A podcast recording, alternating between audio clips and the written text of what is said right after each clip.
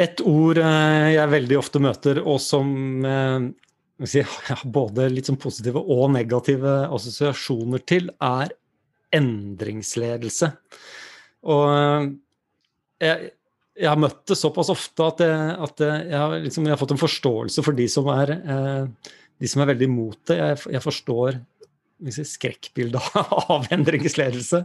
Og så har eh, vi to Kristine, hatt en god del prat om, om, hva som ligger i begrepet. Og, og, jeg er veldig enig med deg. Veldig, du har veldig gode perspektiver på hva det bør være, og, og hva det kan være, og kanskje, kanskje, også hva det egentlig er.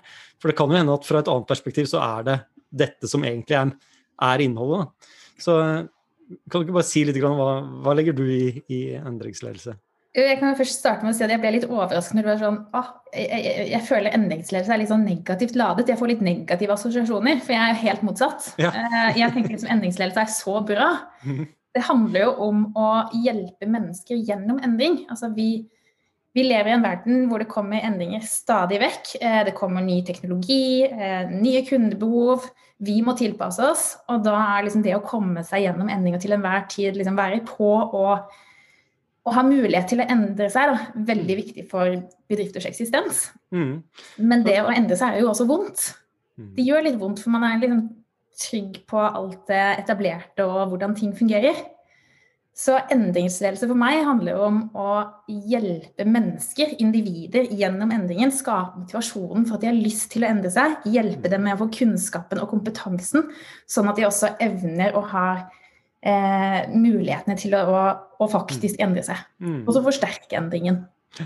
Altså for, eh, veldig mye ofte her i, i Drypp så snakker vi om uh, smidighet og agilitet og sånt, og viktigheten av det. Og det, det, er jo det samme som vi snakker om nå, ikke sant? at selskapene, eller endringstakten, er så høy. Uh, både pga. teknologi, pga. endringer i, i regelverk. Eh, konkurrentbildet blir helt annerledes. Konkurransen på nett er mye, mye mer intens. Så så, så, selskaper er nødt til å følge med på det i en helt annen takt eh, eh man har gjort tidligere. Så, så, behovet er jo der.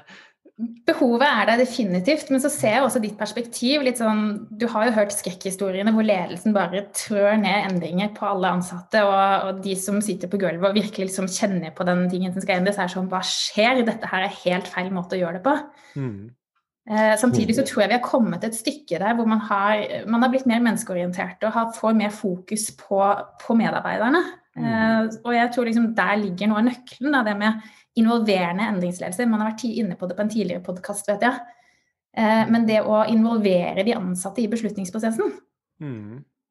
Og jeg tror Kristine, at, at alle er enig i at involvering, å få med mennesker og se individer og at uh, det er helt essensielt. Men når man står i det, man, man har en ekstremt travel hverdag og man må bare få ting gjort, og du har en backlog med masse ting som må gjøres, da, da forsvinner litt den, den, muligheten til å faktisk involvere og bruke lang tid på å få ansatte gjennom endringen.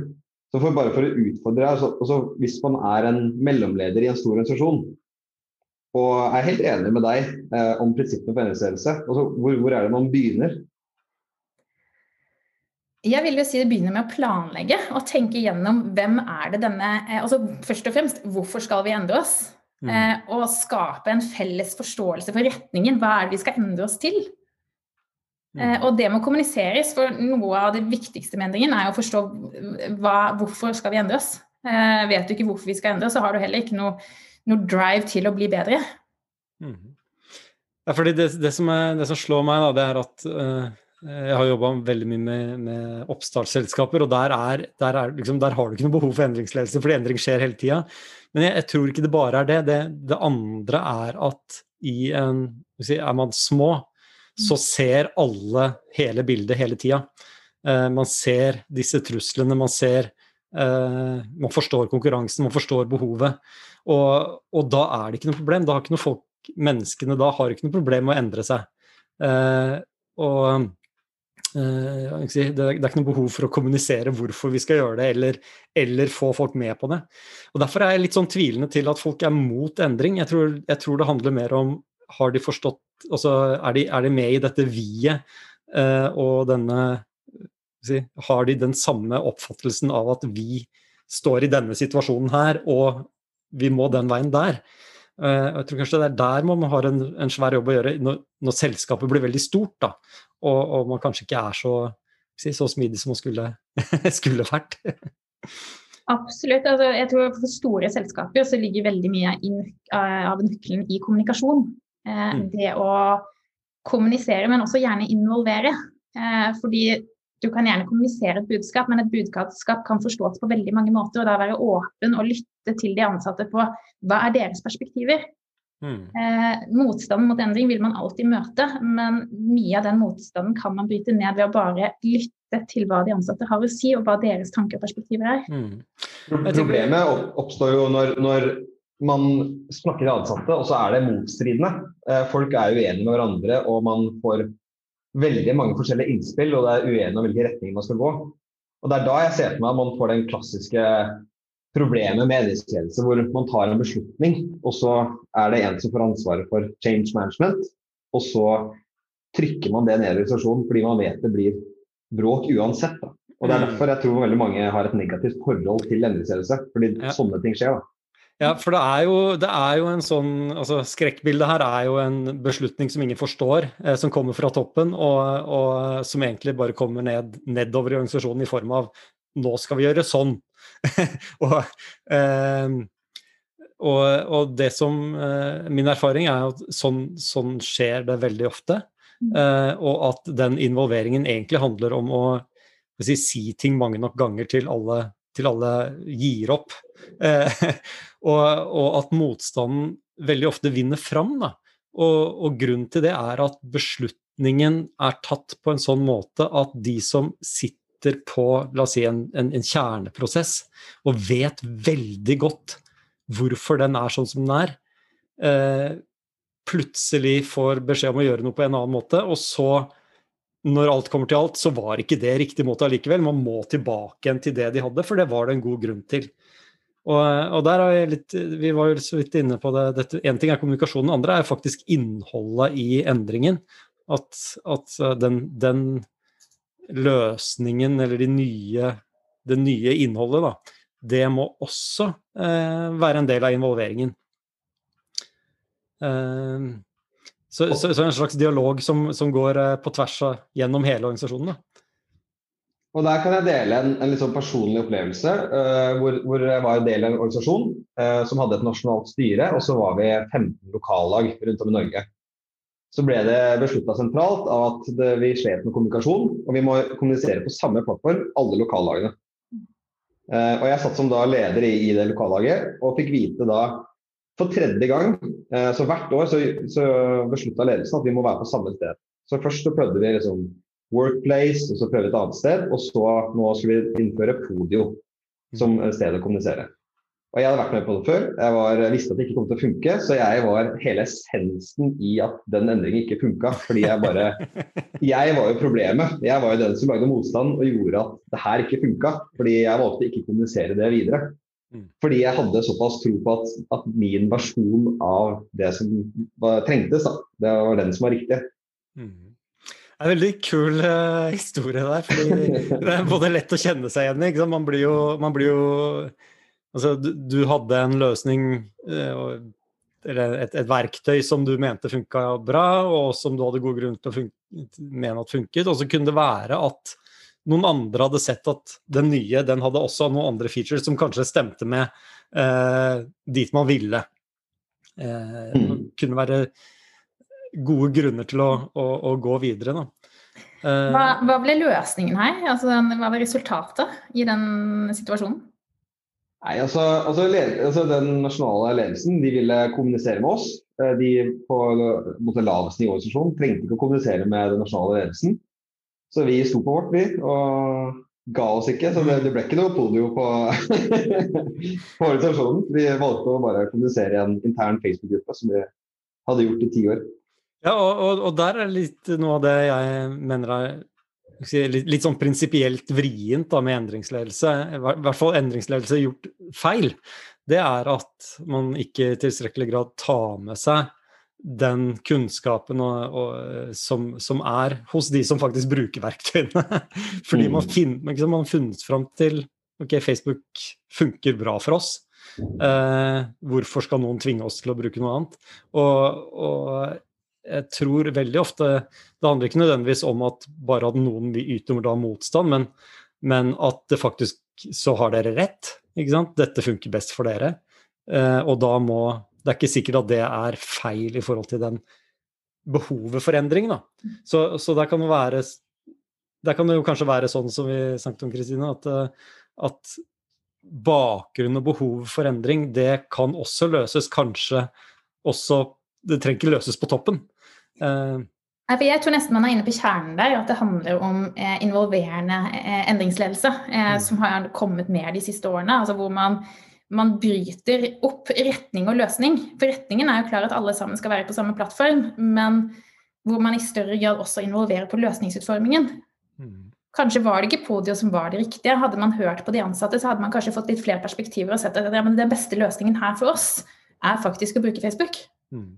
Mm. Hvordan, hvordan, skulle den nasjonale ledelsen gått frem der i praksisleggetidene sånn, for å faktisk involvere 15 lokallag som, sitter, som møtes en gang i året, og så sitter de i hver sine byer?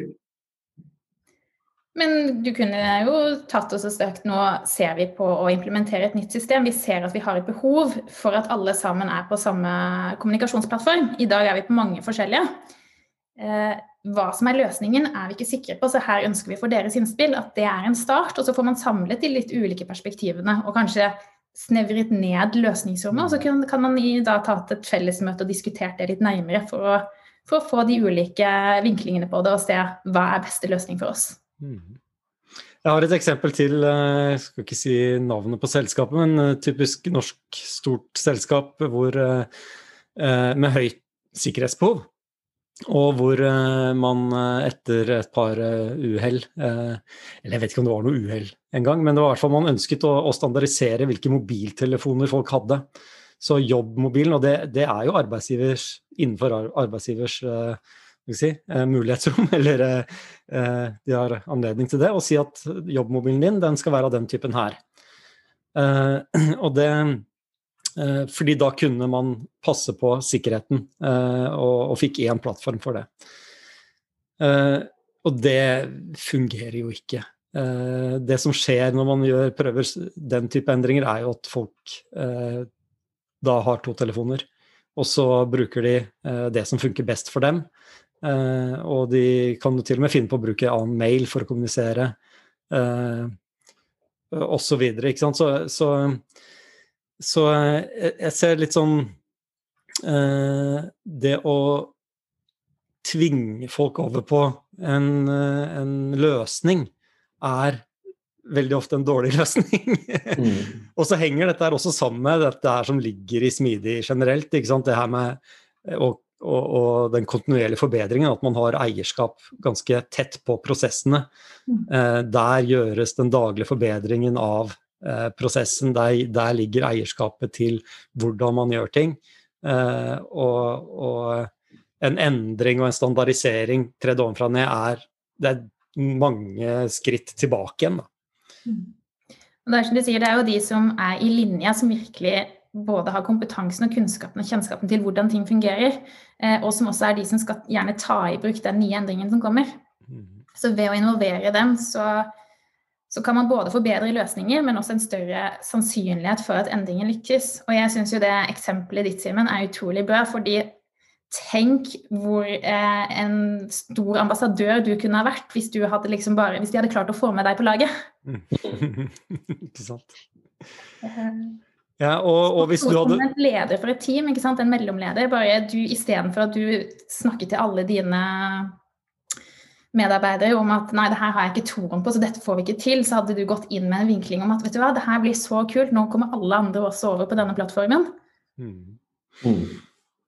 Jeg har eh, som avslutningsvis eh, bare lyst til å hive ut en, et spørsmål til dere. Fordi jeg sitter ofte i, eh, som som prosjektleder sitter jeg veldig ofte lenger hos kundene enn man gjør typisk på et strategisk oppdrag, f.eks. Og, og sånn sett er med på litt sånn lengre endringer. Um, Og jeg har, eh, jeg har, begynt å kalle meg selv influenser. men, men, når vi snakker om endringsledelse, så er det veldig ofte Det er jo i praksis veldig ofte det jeg gjør. Eh, men, men jeg syns ordet influenser treffer bedre. hva, du, hva tenker du om det, Kristine? Er er det det samme, eller er det, er det omtrent den retningen man går? Gir det mening? Jeg tenker jo den, Det å skille endringsledelse fra prosjektledelse, jeg syns de henger veldig tett sammen. Uh, influenser, da legger jeg liksom det å påvirke, kanskje. Ja, involvere, uh, og, og, i en viss grad gjør man jo det fordi man skal hjelpe virksomheten og de ansatte med å få motivasjonen til å endre seg. Så sånn sett så er det jo akkurat det du gjør. Du påvirker, og man hjelper jo også gjerne ledere og mellomledere med coaching, sånn at de fremstår som, som gode endringsagenter og egentlig er de som, som skaper endringen og, og, hjelper også resten av organisasjonen med å endre seg. Mm. Nemlig. Hm. Interessant. Tusen takk for praten. Vi fortsetter en episode til, vi, tenker jeg. Absolutt. Selv takk. Veldig hyggelig. Drypp er en lavterskelpodkast fra Beck, hvor vi diskuterer diverse temaer som interesserer oss. Og Hvis du har et tema som du har lyst til at vi skal snakke om, eller du vil være med på en innspilling, ta kontakt på drypp.beck.no.